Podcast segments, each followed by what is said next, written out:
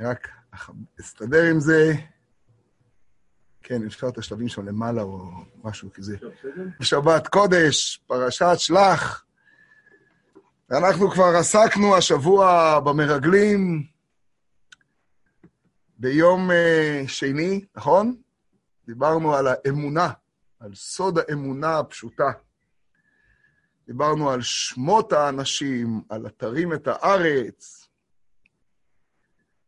ואני רוצה להיכנס הפעם לפרשה, אני רוצה גם לטעום כדרכנו, בעזרת השם, בכל שבוע, גם מפרקי אבות, מהפרק שלנו השבוע, מהפרק השלישי. לשם אני אגיע עוד מעט, כך שמי שיכולים שיהיה לפניהם סידור או משנה זה גם טוב. אבל אני רוצה להתחיל את הכל בפרשה עצמה. בשיעור הקודם דיברנו על האמונה, על הכוח להאמין באמת, באמת, בפשיטות, בתמימות, שהכל לטובתנו. פעם אני רוצה להיכנס לעוד נקודה, אבל לפתוח אותה בכמה עיונים בפרשה. נתחיל אולי בסופה של פרשת המרגלים. מיד בסיום, בפרק י"ד, למי שיש לפניהם, מי שאין, אני אומר את הכל בעל פה, בפרק י"ד, בפסוק ל"ט, מיד בסיום סיפור המרגלים, וידבר משה את הדברים האלה אל כל בני ישראל, ויתבלו העם מאוד. ובבוקר הם עושים דבר גדול מאוד, וישכימו בבוקר, ויעלו אל ראש ההר לאמור, הנה נו ועלינו אל המקום אשר אמר השם כי חטאנו. על פניו, באמת תשובה. הננו ועלינו אל המקום אשר אמר השם כי חטאנו. ויאמר משה, למה זה אתם עוברים את פי השם, והיא לא תצלח. והיא לא תצלח. אבל למה הם עוברים את פי השם? במה הם עוברים את פי השם? בזה שהשם אמר עכשיו למשה רבינו, אחרי שמשה רבינו התפלל ואמר, ריבונו של עולם, יהיה פה חילול השם גדול, גדול, גדול. ואמרו הגויים אשר שמעו את שמעך לאמור מבלתי יכולת השם להביא את העם הזה אל הארץ אשר נשבע להם, וישחטם במדבר. זוכרים את הדברים האלה של משה רבנו? ועתה יגדל נא כוח השם כאשר דיברת לאמור. וכאן הוא אומר השם, ערך אפיים ורב חסד, נושא עוון ופשע. אנשים לא זוכרים, זוכרים את זה אחרי חטא העגל. אבל כשאנחנו אומרים בליל כיפור, ויאמר השם, סלחתי כדבריך, זה מפה, זה לא מחטא העגל. ויאמר השם, סלחתי כדבריך, אבל אם יראו האנשים האלה את הארץ אשר נשבעתי לאבותם, הם לא יראו, בניהם יראו, ואז מופיע הפסוק, והעמלקי והכנעני יושב בעמק, זה כאילו תקוע, לא קשור לכלום, מחר פנו וסעו לכם המדבר דרך ים סוף. פנו וסעו לכם המדבר דרך ים סוף. זאת אומרת, דבר השם היה, פנו וסעו לכם המדבר דרך ים סוף. עכשיו, לנסוע למדבר דרך ים סוף, זה לא לעלות עכשיו לארץ ישראל. כי הדרך לעלות, זה לעלות בהר. והקדוש ברוך הוא אמר להם, אתם לא הולכים לשם. ועל זה אמר משה רבנו, יפה מאוד שאתם רוצים עכשיו לעלות, הננו ועלינו כי חטאנו, אבל אתם עוברים את פי השם שאמר, מחר פנו וסעו לכם המדבר דרך ים סוף. בסדר? השם אמר, אתם ממשיכים במדבר. תיזכרו, דרך אגב, אתם עוד פעם עושים לופ, עוד פעם עושים פרסה. אתם זוכרים מתי עם ישראל הלך בדרך ופתאום היה צריך לעשות פרסה? הוא בטח זוכר את הטראומה הזאת. זה היה לפני קריאת ים סוף. הם הלכו בדרך, ואז הם היו צריכים לעשות פרסה, והגיעו ללשונית של הים. ואז הגיעו המצרים. וישובו ויחנו לפני פי החירות. ועכשיו, הם בעצם כבר נמצאים לפני הכניסה לארץ, כל מה שיש לעשות זה רק להעלות את המעלה למעלה, אבל אומר להם עכשיו, משה רבינו בשם הקדוש ברוך הוא, אתם עושים פרסה ומשארים פה עם ידיעה, הפעם זה לא הולך ליום-יומיים, השם יילחם לכם ואתם תחרישון. הפעם זה הולך להיות ל-40 שנה. ואז בני ישראל מחליטים לעלות. אומר להם הקדוש ברוך הוא, אל תעלו כי אין השם בקרבכם, ולא תנגפו לפני אויביכם. כי העמלקי והכנעני שם לפניכם, ונפלתם בחרב, כי על כן שבתם מאחרי השם, ולא יהיה השם עמכם. ויעפילו לעלות אל ראש ההר. זו טרגדיה לא פחות מחטא המרגלים, עוד רגע תראו.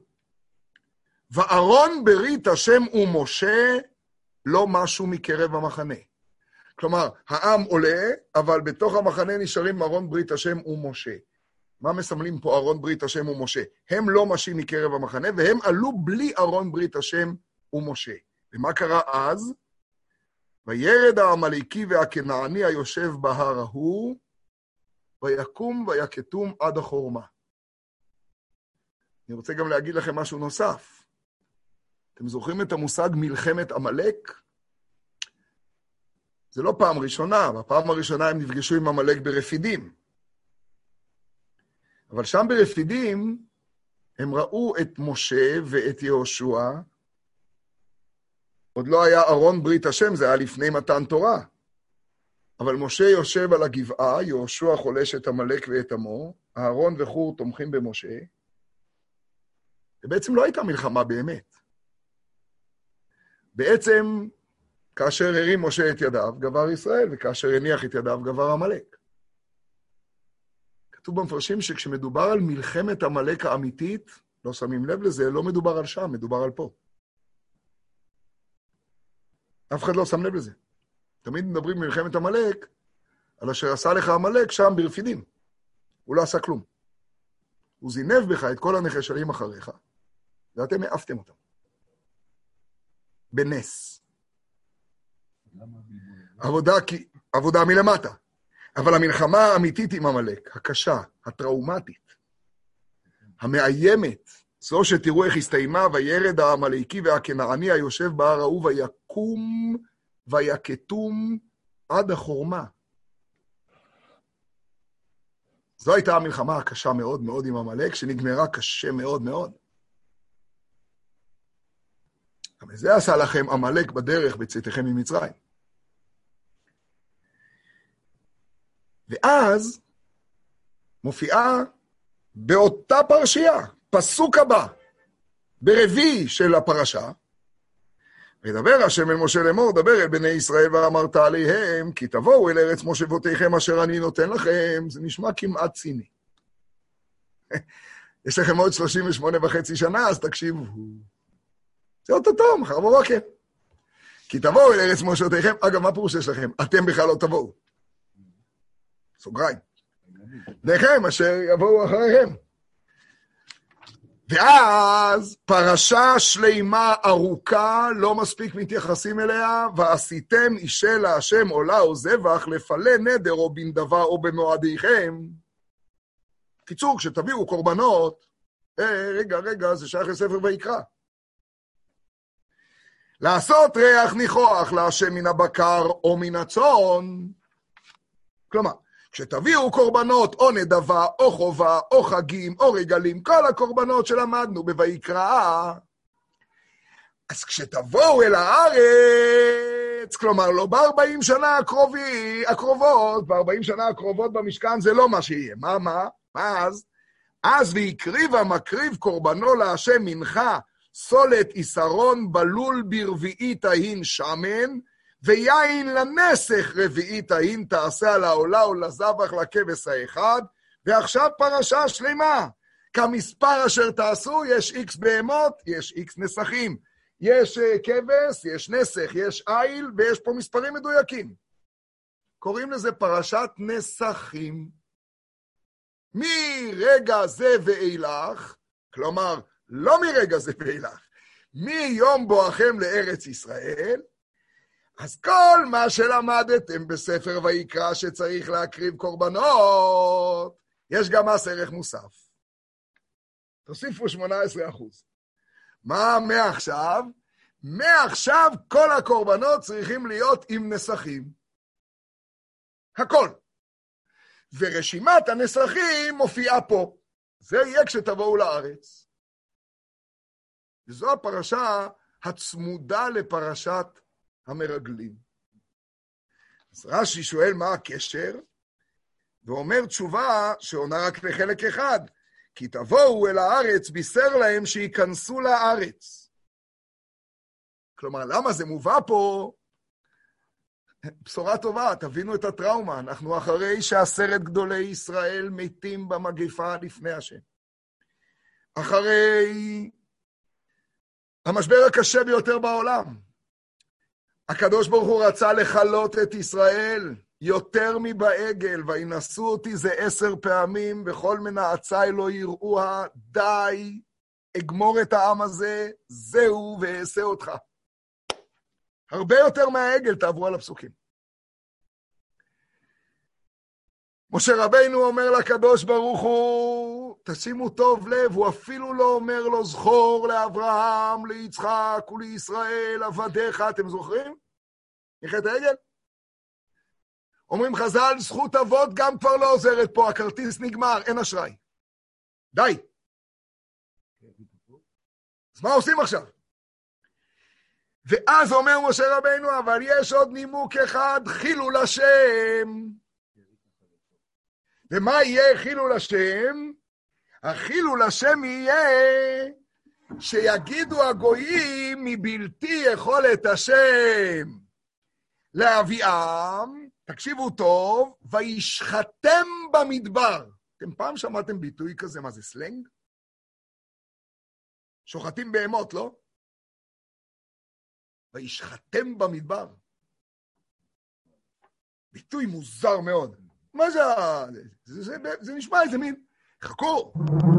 ולכן אומר מוישה רבינו, יגדל נא כוח השם, השם אל רחו ערך אפיים, רב חסד, אומר הקודש ברוך הוא, סלחתי כדבריך. והם הם שנה הם מתים והם לא ייכנסו, ומי שייכנסו זה הבנים שלהם, וצמוד. וכשתבואו אל הארץ, אז אתם זוכרים את פרשת הקורבנות. אז לא גיליתי לכם, אבל עכשיו הגיע הזמן לגלות לכם, תביאו נסכים. ותשמעו טוב, חמש פעמים בפרשת הנסכים, למי שיפתח יראה, מופיע, אז זה יהיה ריח ניחוח להשם. ריח ניחוח, ריח ניחוח, ריח ניחוח, חמש פעמים. אבל אמרתם לנו כבר בפרשת ויקרא שהעולה זה ריח ניחוח, אז למה במדבר אין נסכים? מה קרה דווקא בארץ ישראל פתאום שיש נסכים? ואיך זה קשור לפרשת המרגלים, ואיך זה צמוד. הבנתי שהוא מבשר להם שייכנסו לארץ. כנראה, כנראה, שאם נעמיק טוב בפרשת הנסכים דווקא, עוד לא בהמשך. אני יודע שיש בהמשך הפרשת חלב וציצית, אני יודע. אבל הצמוד, אם נעמיק כנראה בפרשת הנסכים, כנראה שאולי נזהה משהו שקשור לחטא ולתיקון. ואולי חטא המרגלים, אנחנו מפספסים בו משהו, כי אנחנו עוסקים רק בחטא המרגלים ולא בחטא המרגלים פלוס חטא המעפילים. כי חטא המרגלים לא נגמר בחטא המרגלים. הוא נגמר במוכנות גדולה מאוד של העם, תשמעו טוב, למסור את נפשו. תשמעו את הביטוי, זה נקרא מסירות נפש. נכון? וישכימו בבוקר ויאמרו, הננו ועלינו כי חטאנו. עכשיו, אומרים להם, אם תעלו, תמותו. והם אומרים, חטאנו, נמות. זה מבלבל מאוד. זה מושא להערצה. המעפילים. ואז באה פרשת הנסכים ואומרת, תגידו, אתם רוצים להירגע כבר בתוך העוצמה הזאת? אתם רוצים לעשות ריח ניחוח? זה יהיה כשנבוא לארץ. זה אז יהיה לא כמו פה במשכן, אז זה יהיה, וואו, אז יהיה ריח ניחוח. לא הבנתי את הנסכים? לא, אני, אני מבין שיש פה משהו. אני רק אגיד לכם משפט אחד על הנסכים. חז"ל אומרים בגמרא בברכות, ביטוי מעניין מאוד. כל הקורא, מכירים את המשפט הזה? כל הקורא קריאת שמע בלא תפילין, כאילו הקריב עולה בלא נסכים. עולה ומנחה בלא נסכים. מה הקשר? כל הקורא קריאה, אולי זה יעזור, אני רק מזכיר את זה. כל הקורא קריאת שמע בלא תפילין, כאילו הקריב עולה ומנחה בלא נסכים. והתורה אומרת, תשמעו, הרי המרגלים, איזה תנועות נפש הפוכות. המרגלים, לא יודע מה הם רצו, אבל הם רצו משהו מסוים שוודאי לא אמר עלייה לארץ, אמר את ההפך. המעפילים ודאי באו לתקן במשהו שוודאי אמר עלייה לארץ ותיקון של המרגלים. שתי התנועות האלה מייצרות בוקה ומבולקה שמתוארת בתורה במילים הכי קשות, ויתאבלו העם מאוד, ויקום ויקטום עד החורמה. טירוף. ואז בצמידות יבוא יום ויהיה לנו נחת. היי, מה אנחנו רוצים בחיים יותר מנחת? מתי יהיה לנו נחת? כשנביא את הקורבנות, את עבודת השם שלנו, איזו? כל עבודה. תזכרו שפעם עבודת השם זה קורבנות. נדבה, נדר, חגים, כל עבודה. כשנביא את זה עם נסכים, מה, מה, אז יהיה קצת יין, יהיה שמן, מה? כל זה אני משאיר פתוח. אני, אגב, גם, אתם זוכרים את ה"וישחטם במדבר", ששאלנו? גם על זה ננסה לענות בהמשך.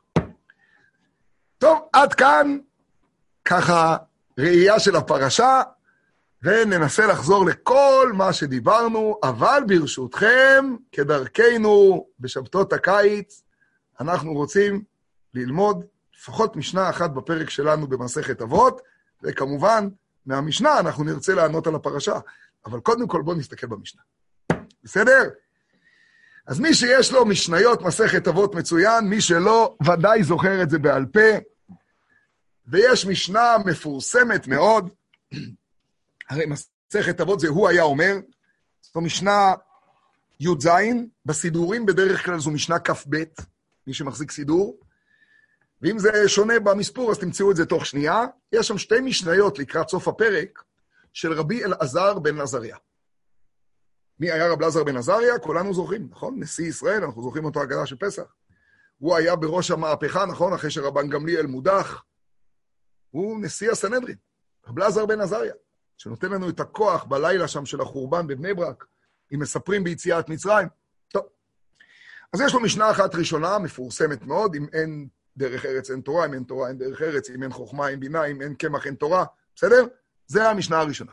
ואז המשנה השנייה, תשמעו אותה.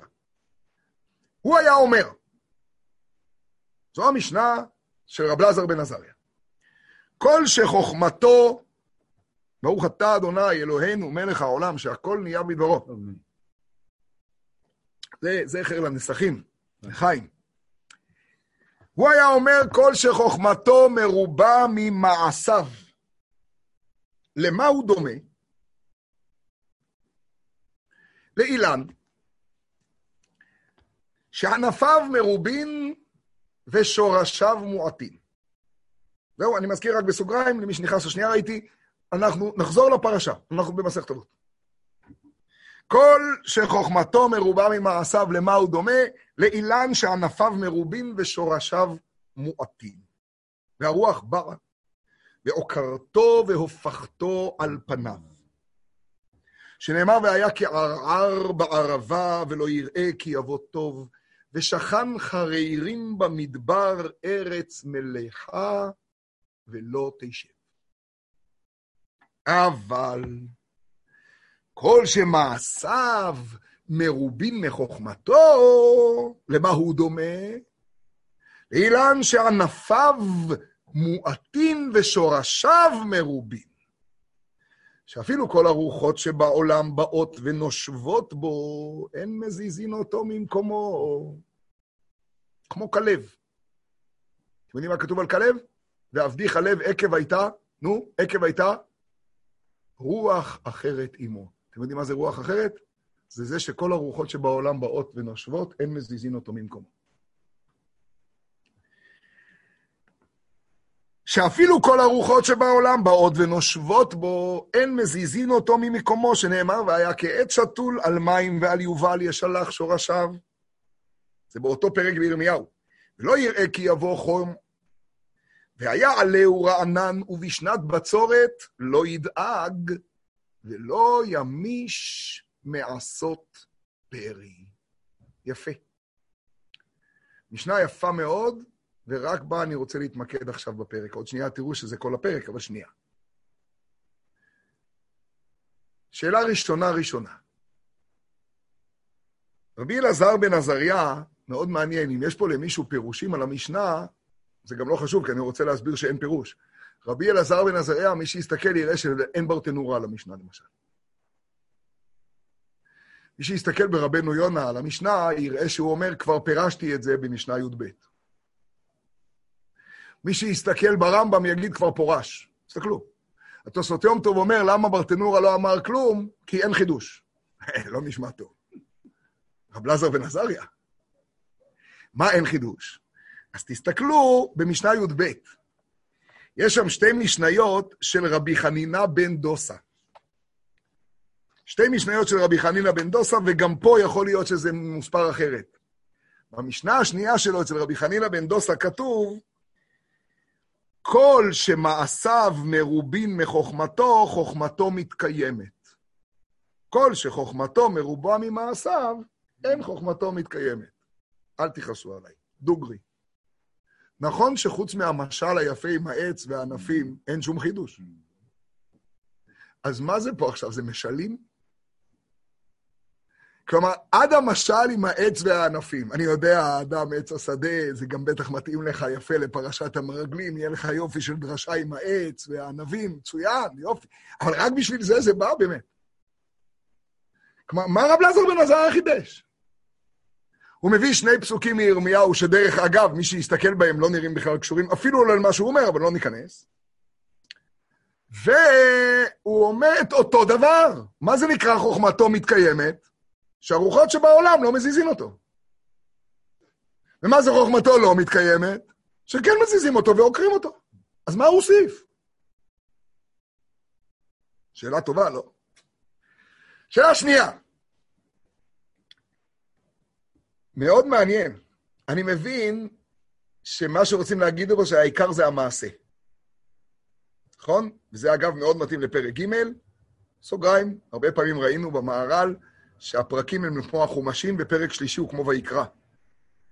זה מדהים. פרק ב' עוסק בעיקר בעניין תורה ותלמוד תורה. הווי שקוד ללמוד תורה, כל המשניות שם, תסתכלו. אם למדת תורה הרבה, אל תחזיק טובה לעצמך. משניות אחת אחרי השנייה. ופרק ג' עוסק בעיקר בעניין חשיבות המעשה מהתורה. הכל צפוי והרשות נתונה, פרק ג' רבי עקיבא, והכל לפי רוב המעשה. כל שמעשיו מרובין מחוכמתו, חוכמתו מתקיימת. עד כדי שבאה משנה השלמה שרק רוצה להסביר את זה במשל. יש עוד כמה וכמה משניות פה בעניין. אבל מה המשל? עכשיו שימו לב לעוד דבר מרתק. הרי מה אתה בעצם רוצה לדבר? שעיקר זה המעשים, נכון? שהמעשים צריכים להיות מרובים מהחוכמה. אז למה אתה מתמקד בבעיה של מי שחוכמתו מרובה ממעשיו? הבעיה היא לא שיש לו חוכמה מרובה, הרי החוכמה זה טוב. יש לך משהו נגד החוכמה? מדובר על חוכמת התורה. לא מדובר פה על חס ושלום חוכמות זרות, על פילוסופיות שליליות. נכון? מדובר על חוכמת התורה הקדושה. אז מה הבעיה שלך שחוכמתו מרובה? הבעיה שלך היא שמעשיו לא מרובים מחוכמתו. הבנתי. מצוין. אז תתמקד במעשים. שאלה טובה? יופי. שאלה ששואל פרי הארץ. למה לרדת עליו? למה? כן, מה אתה יורד על זה? שאלה שלישית, שהיא מתאימה לכל אימא פולניה טובה. לכל אימא פולניה טובה יש ילד יוסי של האחרון מוצלח, נכון? ויוסי, גם המעשים שלו וגם החוכמה שלו מרובים. נכון? הוא רחב אופקים, הוא מוכשר, הוא מושלם. נכון? שלכל אחד יש כזה יוסי. חייב להיות, לא, כלומר, לא יכול להיות אחד שיש לו גם שורשים מרובים וגם ענפים, חבל על הזמן. למה זה תמיד צריך להיות? למה השורשים תמיד צריכים להיות מרובים והענפים צריכים להיות מועטים? אדרבה. ושאלה אחרונה אחרונה, שהיא בעצם השאלה של הכל. תגידו לי, אני שואל עכשיו שאלה אמיתית. מה השורש ומה הענף? עשיתי את עצמי מבין את המשנה, אבל אני לא לא מבין. לא השאלה היא איזה, אז הוא הוסיף משל. אני בכלל לא מבין מה הוא אומר. בואו נדבר רגע במילים שלנו, של כולנו. מה השורש ומה הענף? לא החוכמה היא השורש שמביאה למעשה? אני בכלל לא מבין מה כתוב פה. הרי התלמוד מביא אותך לידי המעשה. אז מה השורש? מה היסוד? היסוד הוא ההבנה הראשונית, כלומר, מה השורש? השורש הוא המעשה? שמעתם את השאלה האחרונה? זאת הפתיחה של הכל. נעשה ונשמע. תשמעו רגע, יש פה משהו פלאי. הרי השורשים נתפסים אצל רב לזר בן עזריה בתור המעשים, והחוכמה, שהיא הבסיס, היא נתפסת בתור הענפים. הרי יש דיון, מה גדול ממה, תלמוד גדול או מעשה גדול, זוכרים? ודנו בזה. נמנו וגמרו תלמוד גדול שמביא לידי מעשה. אז מה מביא למה? מה השורש ומה הענף? התלמוד הוא השורש, והמעשים, מה אני עושה, איך אני עושה, אני צריך ללמוד. כך לימדו אותי תמיד. בא רב בן עזריה, נשיא ישראל, שברגע שנכנס לבית המדרש, אתם זוכרים, אז בית המדרש נתמלא בעוד 400 ספסלים, והכניס את כל העולם כולו לתוך התורה. בא רב לזר בן עזריה, ומביא לנו משל תמים, שבכלל לא שמנו לב, שהופך לנו את כל הראש.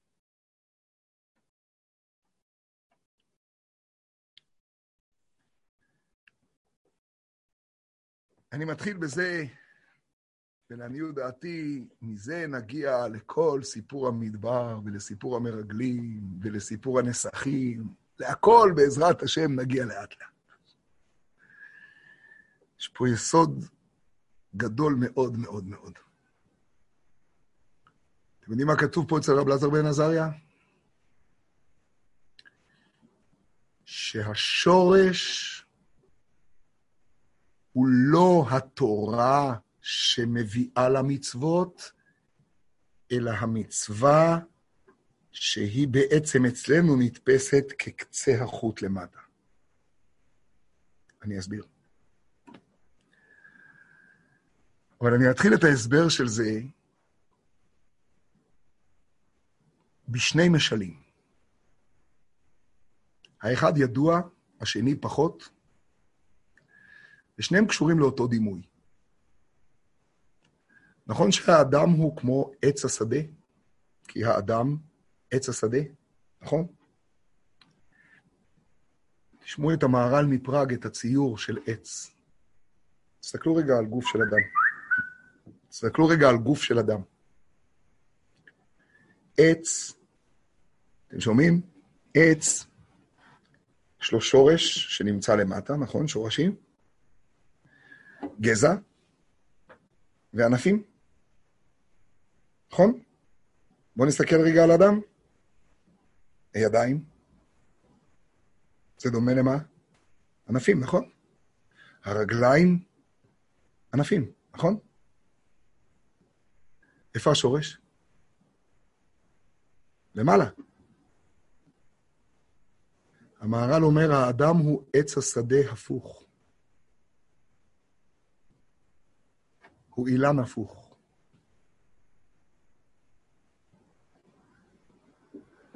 כשאתה מסתכל מלמעלה למטה, אתה רואה את זה הפוך. הראש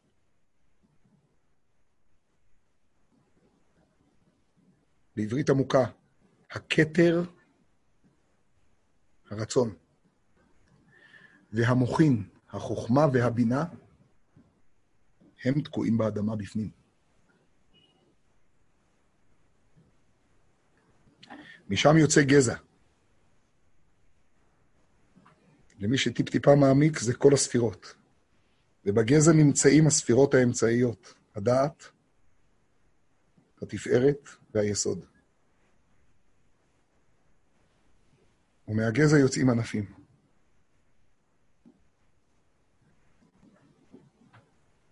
הידיים, האהבה והיראה, החסד והגבורה, והרגליים, הנצח וההוד.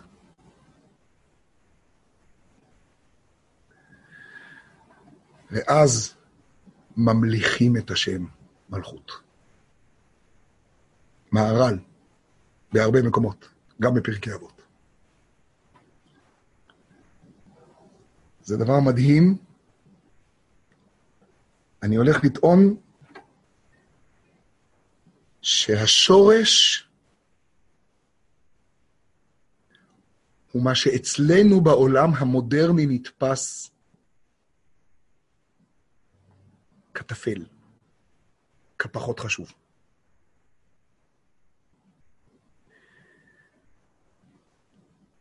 לפני שאני אביא את המשל הבא, משל מהזוהר הקדוש, שמדובר עליו הרבה בתניא, שעוסק לא בעץ אלא בנר, נר השם נשמת אדם, נר, תציירו רק שנייה נר.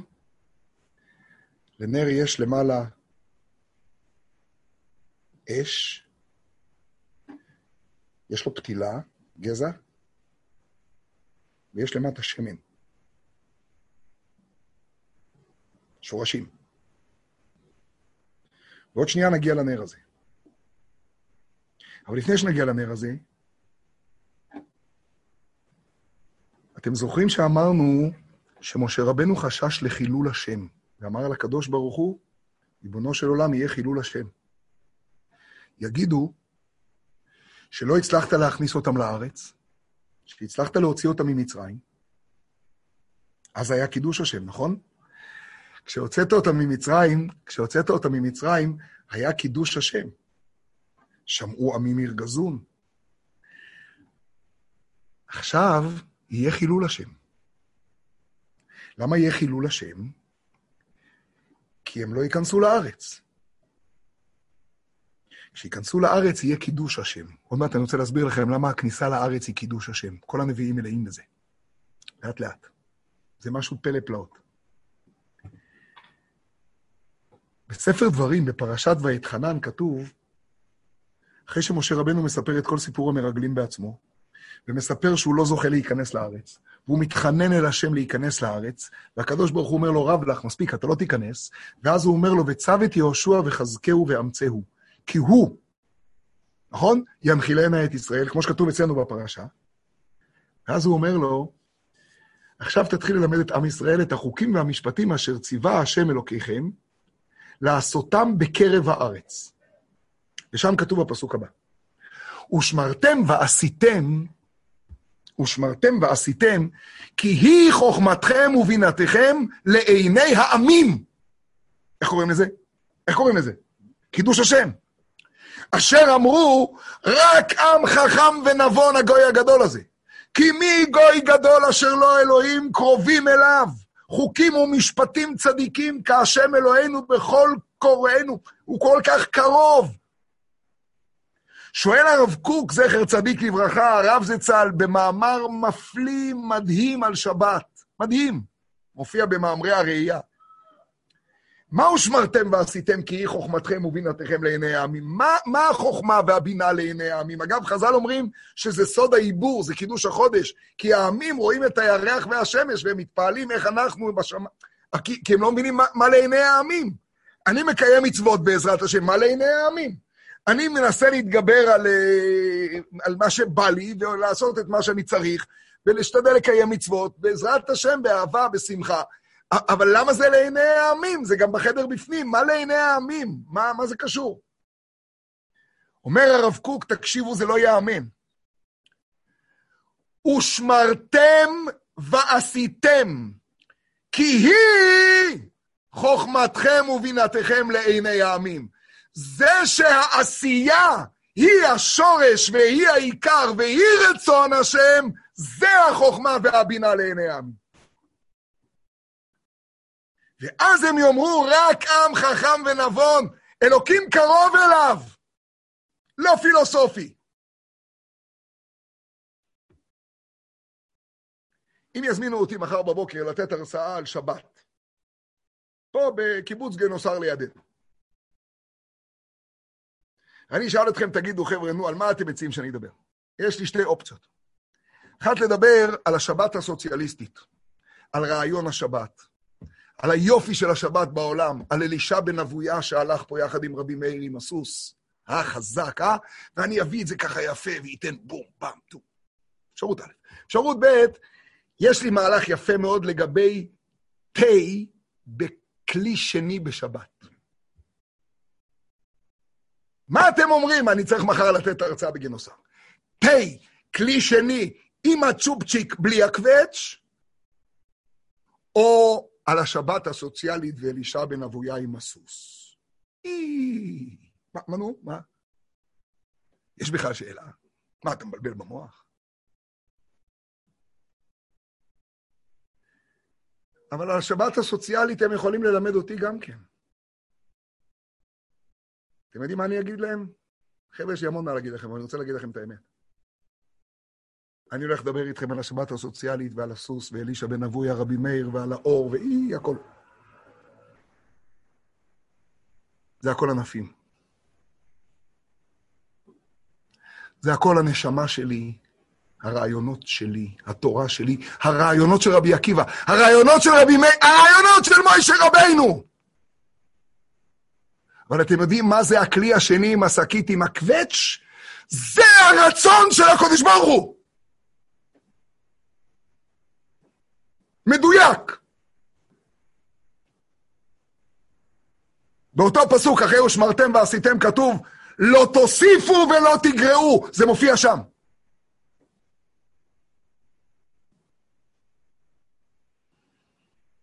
הרי אתם תגידו לי, אם אתה תדבר איתם על התה, אתה מכבה את כולם. נכון. אבל אם אני רוצה להראות להם את המתג שאיתו אפשר להדליק את החשמל לאין סוף, המתג הוא איך עושים שקית תה עם קווץ'.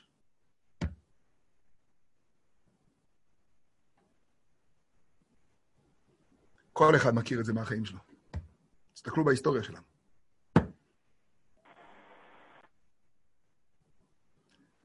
מכל הרעיונות היפים של הסופרים על יותר מששמרו ישראל את השבת, שמרה השבת עליהם. הלכה השבת והפכה להיות שירים.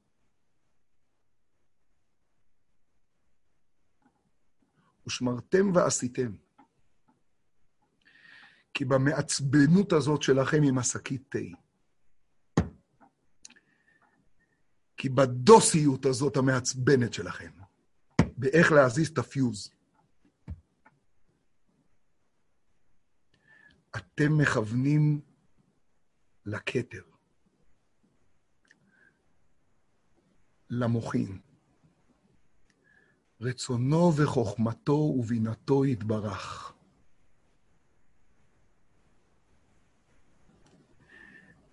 זה העץ ההפוך. זה השורש. ועכשיו יש המון ענפים. זה גוואלד. תשמעו את המשל של הזוהר כי כששומעים אותו הוא מדהים, הוא מרגש מאוד. כתוב בזוהר בפרשת בלק, וזה מוזכר בתניא בפרק ל"ה. התניא מזכיר את הפסוק שעליו כל התניא בנוי, כי קרוב אליך הדבר מאוד, בפיך ובלבבך לעשותו, ואומר שהפה והמחשבה, הדיבור והמחשבה והמעשה הם המדיות, המדיות, הלבושים שבהם אנחנו פועלים. אבל הוא אומר, לא כתוב בפיך ובלבבך ובמעשיך. ובמעשיך, בפעולות שלך, באקט. כתוב בפיך ובלבבך לעשותו. זאת אומרת שהתכלית, התכלית, התכלית העליונה היא לא המחשבה ולא הדיבור, אלא התכלית היא המעשה. בפיך ובלבבך לעשותו. כדי להסביר את זה, אומר התניא, אתם יודעים, יש קושי גדול. הרי האדם, איך הוא קורא לו? זה ששואף להיות בינוני, בלשון של התניא. זה שתמיד יש לו מאבקים בין הנפש האלוקית לנפש הבהמית, זה שתמיד נאבק. עד סוף ימיו נאבק. ככה זה. שכבר גמר עם כל סיפורי הילדים על זה שיום אחד מפסיקים להיאבק. אתם עוד קונים את הסיפורים האלה עם זה שכבר מפסיקים להיאבק? בחתונה זה יעבור? אז הוא כבר עבר את הגיל, והוא יודע שבחתונה זה לא יעבור. ואז אומר התניא, אז לפעמים אתה מתייאש, כבר אין לך כוח. מה, אני פה בשביל איזה מאבק אה, בלתי סופי? די. התניא אומר, המאבק הזה, אתה יודע למה הוא דומה? תחזיקו טוב. לנר השם נשמת אדם. תשמעו. הזוהר הקדוש שואל, נשמע שאלה לא קשורה בכלל.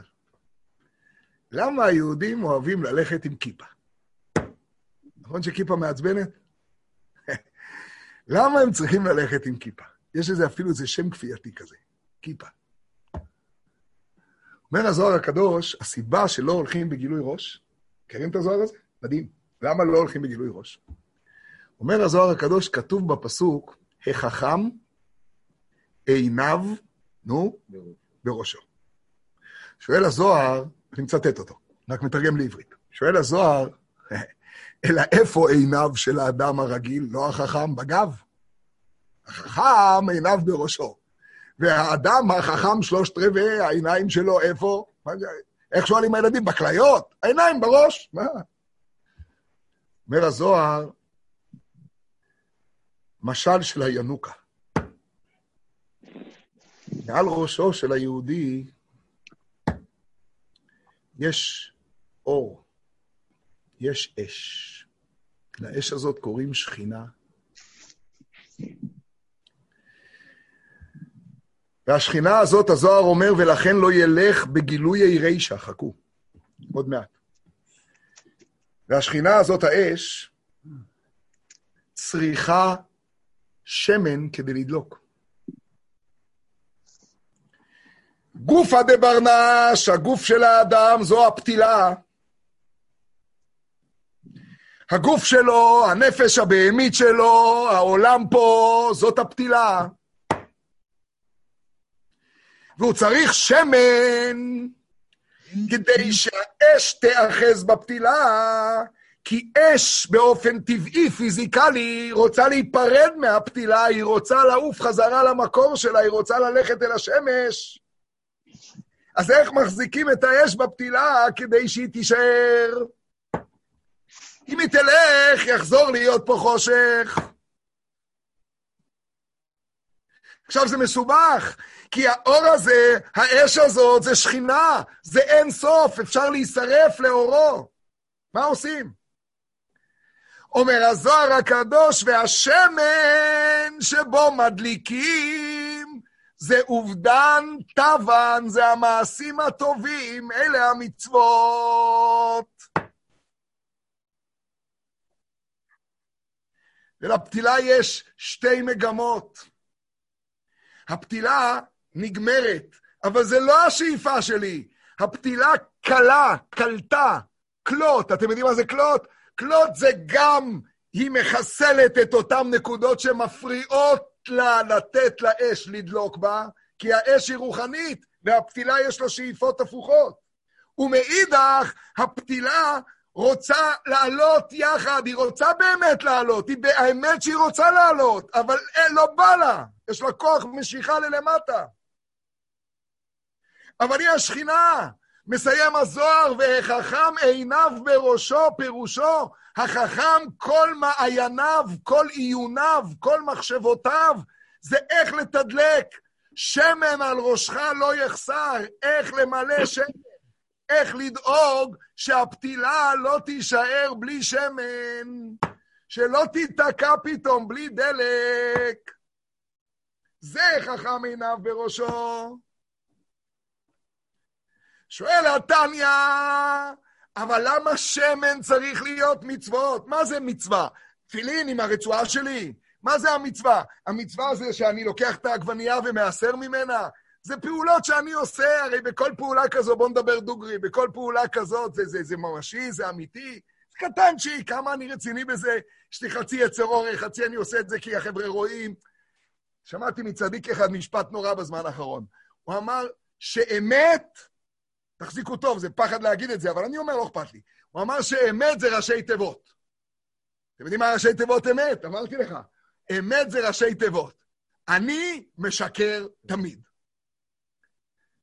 תשמעו טוב, זה יפה מאוד. תפסיק להתרגש, אתה מזייף. אתה מזייף. אגב, אתם מעדיפים אני מזייף תמיד? אתם יכולים. אני מזייף תמיד. תפסיק, זה לא יצא לי מושלם. כבוד המושלם. בטח זה לא יצא לך מושלם, כי אתה לא מושלם. אתה זייפן, כי אתה בעלמא דשיקרא. כשיוצא לך אמת, זה חסד של הבורא שזה יצא לך אמת, כי הוא אמת. השם אלוקיכם אמת. אז המצווה שלי היא הרי לא אמת. היה צריך שאתם יודעים מה יהיה השמן? הנשמה, כתבי הארי, פניה. זה צריך להיות השמן. המצווה שאני עושה זה השמן. ככה נראה באמת המנוע שלי עם פג ונגרוש. זה השמן. אומר התניא, כדי ששמן יהיה שמן, תחזיקו טוב, צריך שלא יהיה לשמן שום ישות עצמית. הוא צריך להיות בטל לגמרי, בטל לגמרי אל האש. הוא צריך להיות בטל לגמרי, הוא לא יכול להיות דבר עצמאי, כי אז הוא לא ייתן את האור שלו. גם הנשמה הכי גבוהה של יהושע בן נון, גם היא יש בפני עצמו. אבל הקשירה של התפילין שלי ככה, זה רק רצונו יתברך. איך אומרים אצלנו? איך הגורנשט. זה רצונו. ואני מבטל את עצמי לרצונו. השמן זה השורש. השורש זה המעשים. רב לזר בן עזריה לא בא לחדש כלום, הוא רק בא לחדש את כל העולם כולו. הוא בא להגיד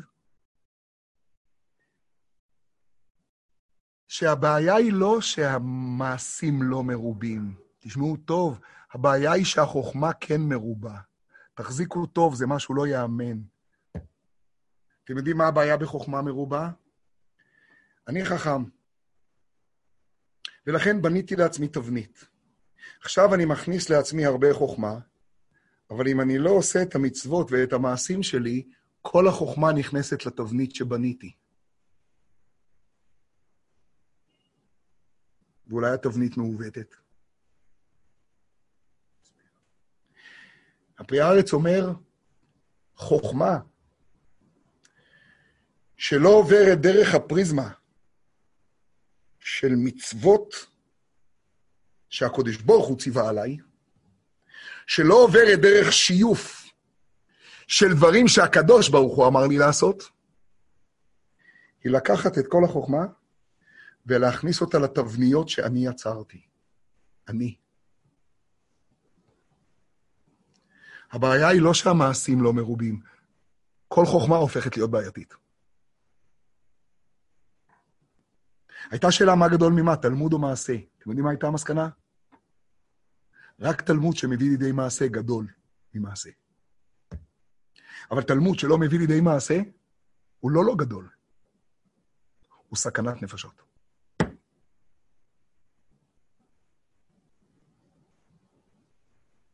חוכמתו מרובה ממעשיו, אז הבעיה היא לא רק שמעשיו לא מרובים, הבעיה היא עצם זה שחוכמתו מרובה. איך שאלנו? הרי האמא הפולניה שלי אומרת שאני גם חכם וגם מעשי, אני בכלל, אני מושלם, אני רחב אופקים, יש הכל. אז הרוח תבוא ותעקור אותך ותעיף אותך לכל הרוחות, אם יש הכל. כמו שהרוחות שבעולם העיפו את כל המרגלים שהיו גדולי העולם. אתם יודעים את מי הרוחות לא העיפו? אתם יודעים את מי הרוחות לא העיפו? את כלב בן יפונה. אתם יודעים מה הוא עשה, כלב בן יפונה? הוא גילה את התרגיל להשתטח על קברי אבות. אתם זוכרים שהוא הלך לחברון להשתטח? אתם יודעים מה הוא הבין? שהשורש של הראש הוא כשהראש נמצא בארץ. והמעשה הוא העיקר. אתם יודעים מה היה הסיפור שם? שהמרגלים בעצם, כך כתוב בכל הספרים הקדושים ובתורת החסידות, מה הם, היו קטנים? הם היו ענקיים.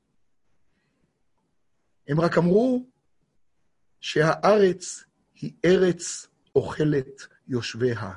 מסבירים בתורת החסידות מה זה ארץ אוכלת יושביה, הארציות אוכלת את יושביה. מה זה לא נכון? תן לנו להישאר עם עמוד ענן, עם עמוד אש. הרי משה רבנו אומר את זה מפורש בתחילת ספר דברים, הוא פותח את הכל בסיפור המרגלים. הוא אומר להם שכשהם היו בהר סיני, הואיל משה באר את התורה הזאת לאמור. השם אלוקינו דיבר עמנו בחורב לאמור. אתם זוכרים מה השם אלוקינו דיבר עמנו בחורב?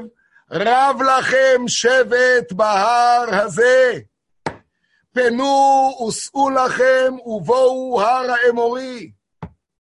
יותר מפעם הזכרנו את הכלי יקר. רב לכם שבט בהר הזה. הכלי יקר אומר שמרוב הר סיני פיתחנו שנאה לארץ ישראל.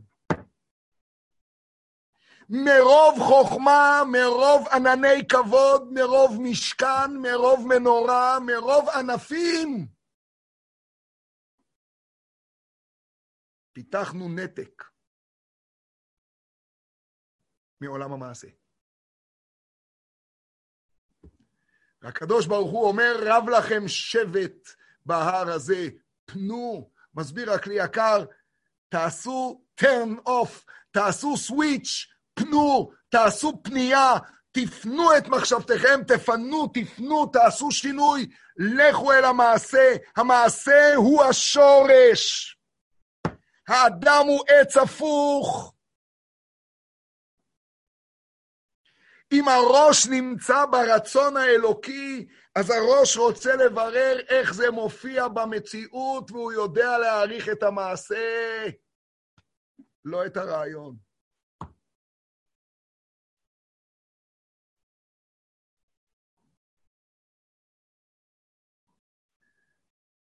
אתם יודעים מה זה קורבנות ומה זה נסכים?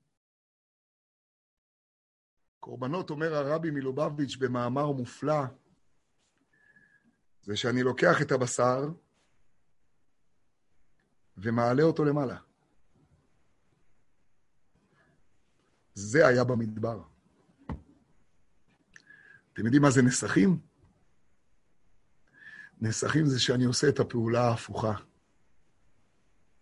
אני לוקח את היין, אני לוקח את השמן ושופך אותם מלמעלה למטה.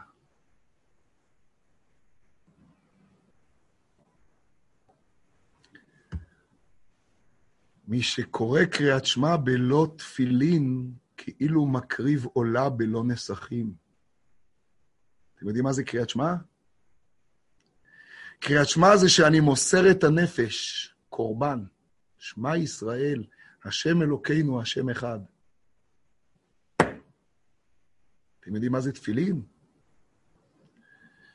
זה שאני לוקח את השם אלוקינו, השם אחד, וממשיך אותו פה עם הרצועות על הידיים ללמטה. ולוקח את התפילין על הראש, על המוח, וצריך להמשיך את הרצועות. אתם יודעים מה ההגדרה בהלכה עד איפה צריכים להימשך הרצועות? עד מתחת לטבורו.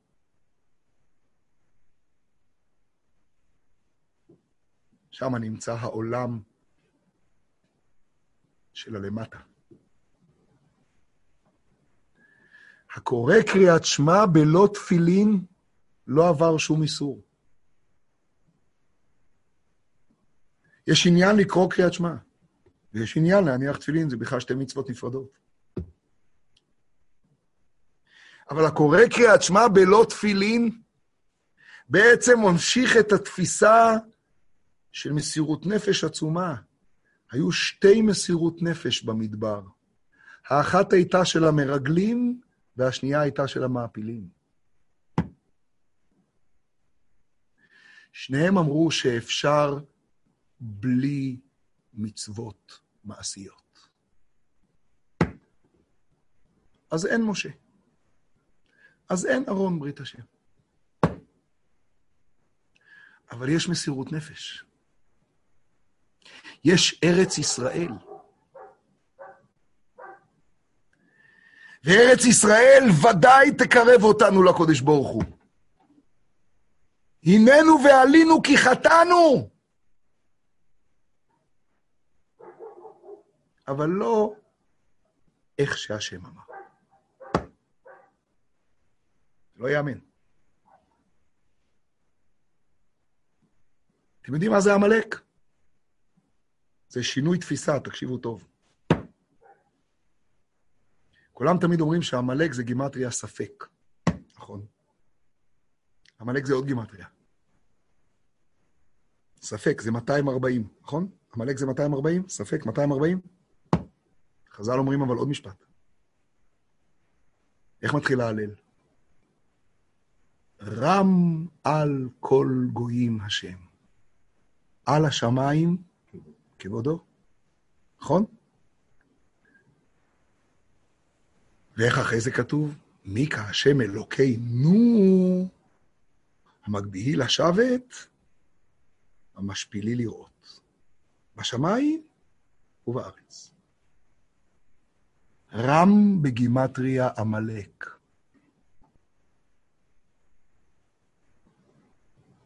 אתם יודעים מה השיטה של עמלק? לעשות את הקדוש ברוך הוא רם.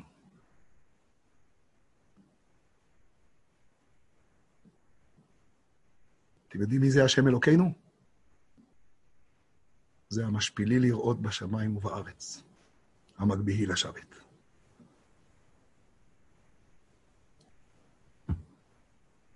הבנו? עמלק יש לו תרגיל אחד.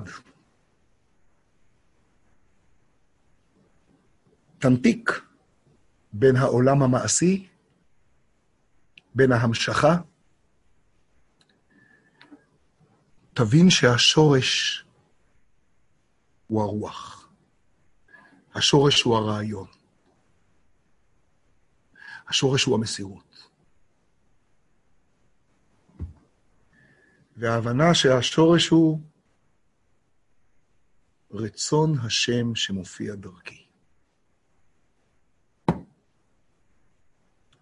ושמרתם ועשיתם, כי היא חוכמתכם ובינתכם לעיני העמים.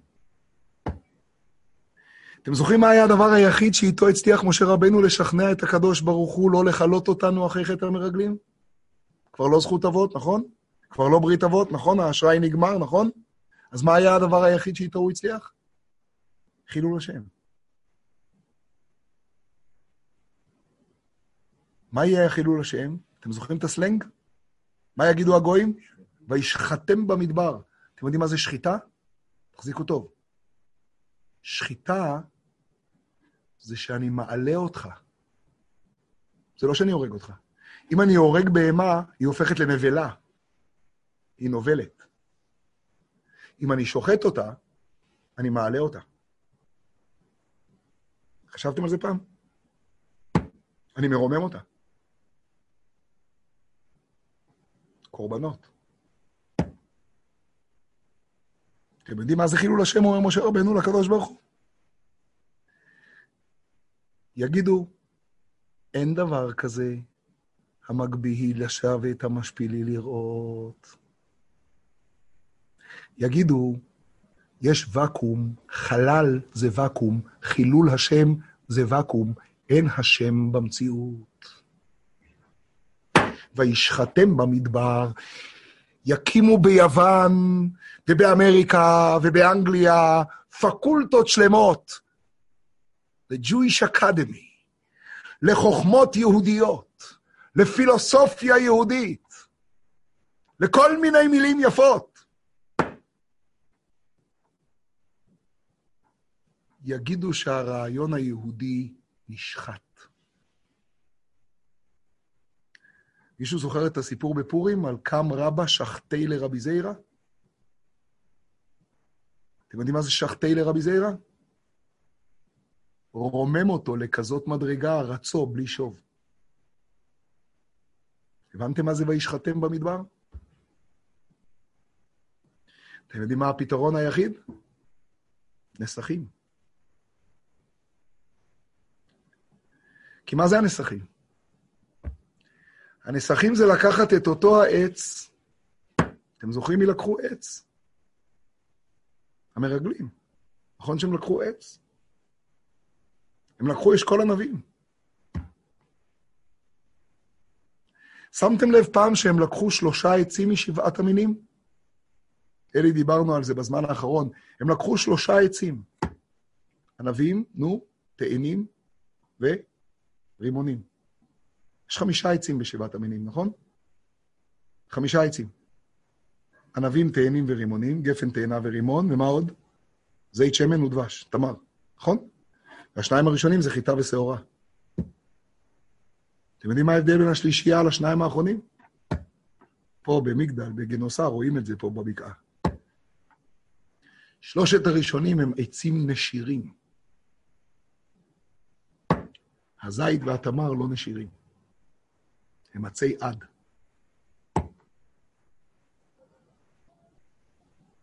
זה פלא פלאות.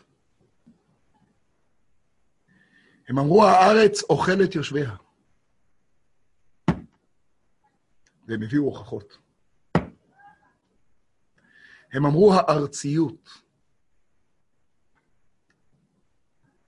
אוכלת את יושביה, ואנחנו צריכים להישאר במדבר. הם אמרו, הסטרא אחרא כל כך חזק, החושך כל כך חזק, המגפה בארץ ישראל, זוכרים מה שדיברנו בתחילת השבוע? הקורונה הזאת, המציאות הזאת כל כך חזקה. חזק הוא ממנו.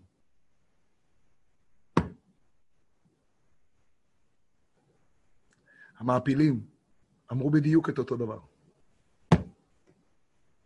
הם אמרו, אנחנו נביא קורבנות, נמסור את הנפש.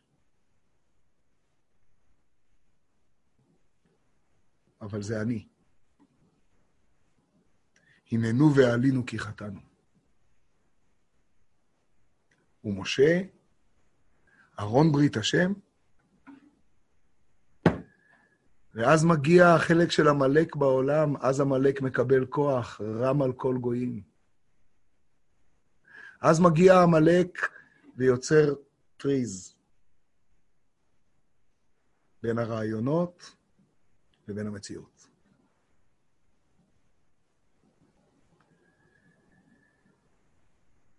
זאת הפרשה. רב לזר בן עזריה אומר שאין דבר כזה שמי שגם מעשיו וגם חוכמתו מרובים. זה רק בסיפור על יוסי עם האמא הפולניה ממקודם. מי שמעשיו לא מרובים מחוכמתו, שחס וחס וחס ושלום חוכמתו מרובה ממעשיו,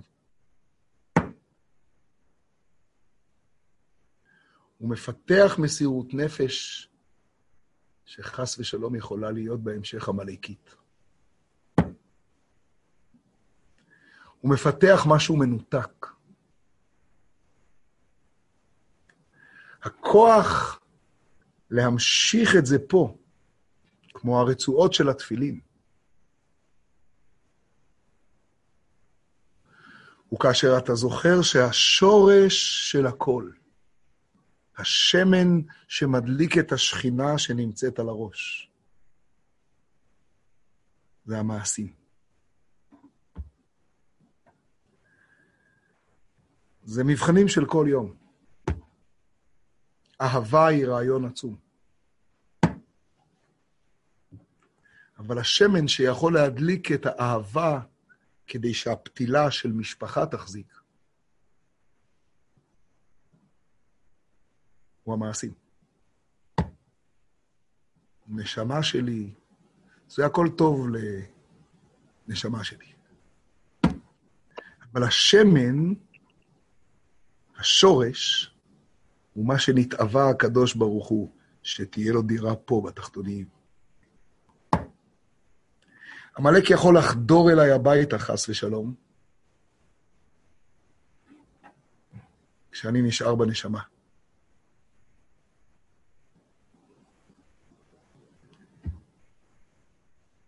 הרמב"ם מגדיר מה זה קידוש השם ומה זה חילול השם. אצלנו מישהו הכניס לנו בכיתה א' שקידוש השם זה חנניה, מישאל ועזריה, רועי קליין, השם ייקום דמו, אלי כהן. זה קידוש השם. זה נכון, בטח. ומה זה חילול השם? זה... אומר הרמב"ם, זה ודאי נכון, זה קידוש השם וזה חילול השם. ויש עוד משהו. קידוש השם זה שבא לי עכשיו לעבור עבירה.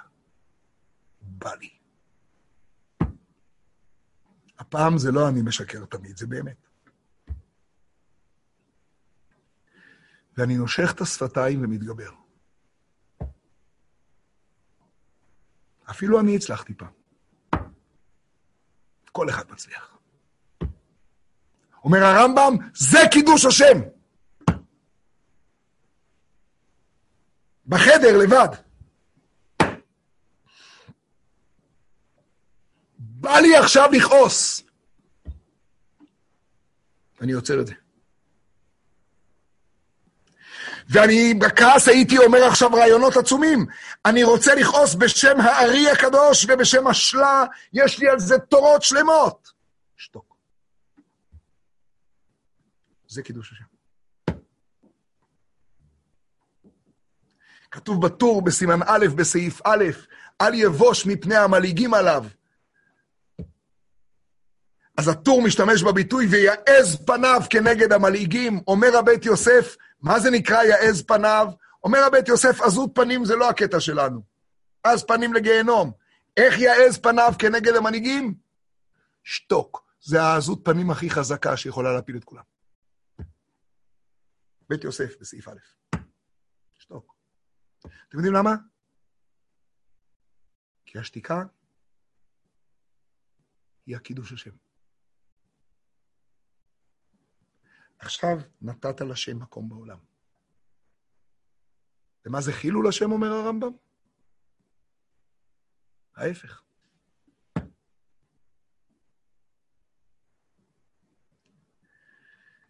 יאמרו העמים, יהיה פה חילול השם.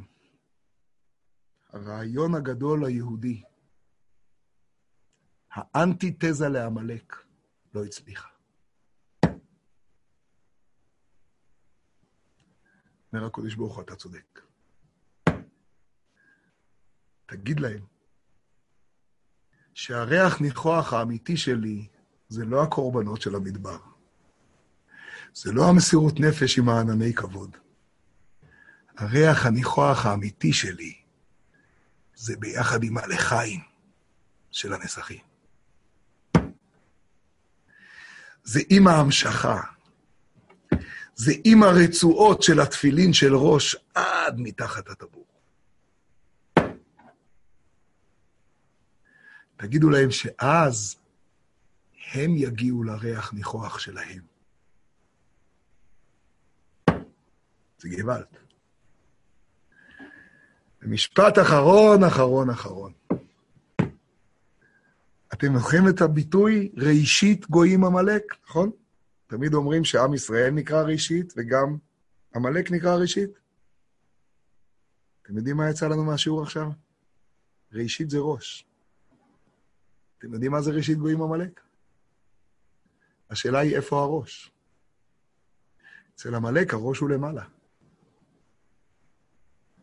אצלנו הראש הוא למעלה, אבל האדם הוא עץ הפוך. אז הראש הוא למטה. ראשית גויים עמלק זה רם על כל גויים השם. ובראשית ברא אלוקים זה בשביל ישראל, בשביל התורה, בשביל ביקורים שנקראו ראשית. העץ ההפוך, עם הראש למטה, עם הכתר והחוכמה והבינה בפנים. ועם הגזע הזה, זה לא ייאמן, של הדעת, של היסוד. והענפים שעכשיו יכולים לעוף בלי סוף, של האהבה והיראה והנצח וההוד, של עץ השדה הפוך. אז זה החטא, וזה התיקון, וזה החיבור של מרגלים ומעפילים, שנזכה להיות נחת רוח.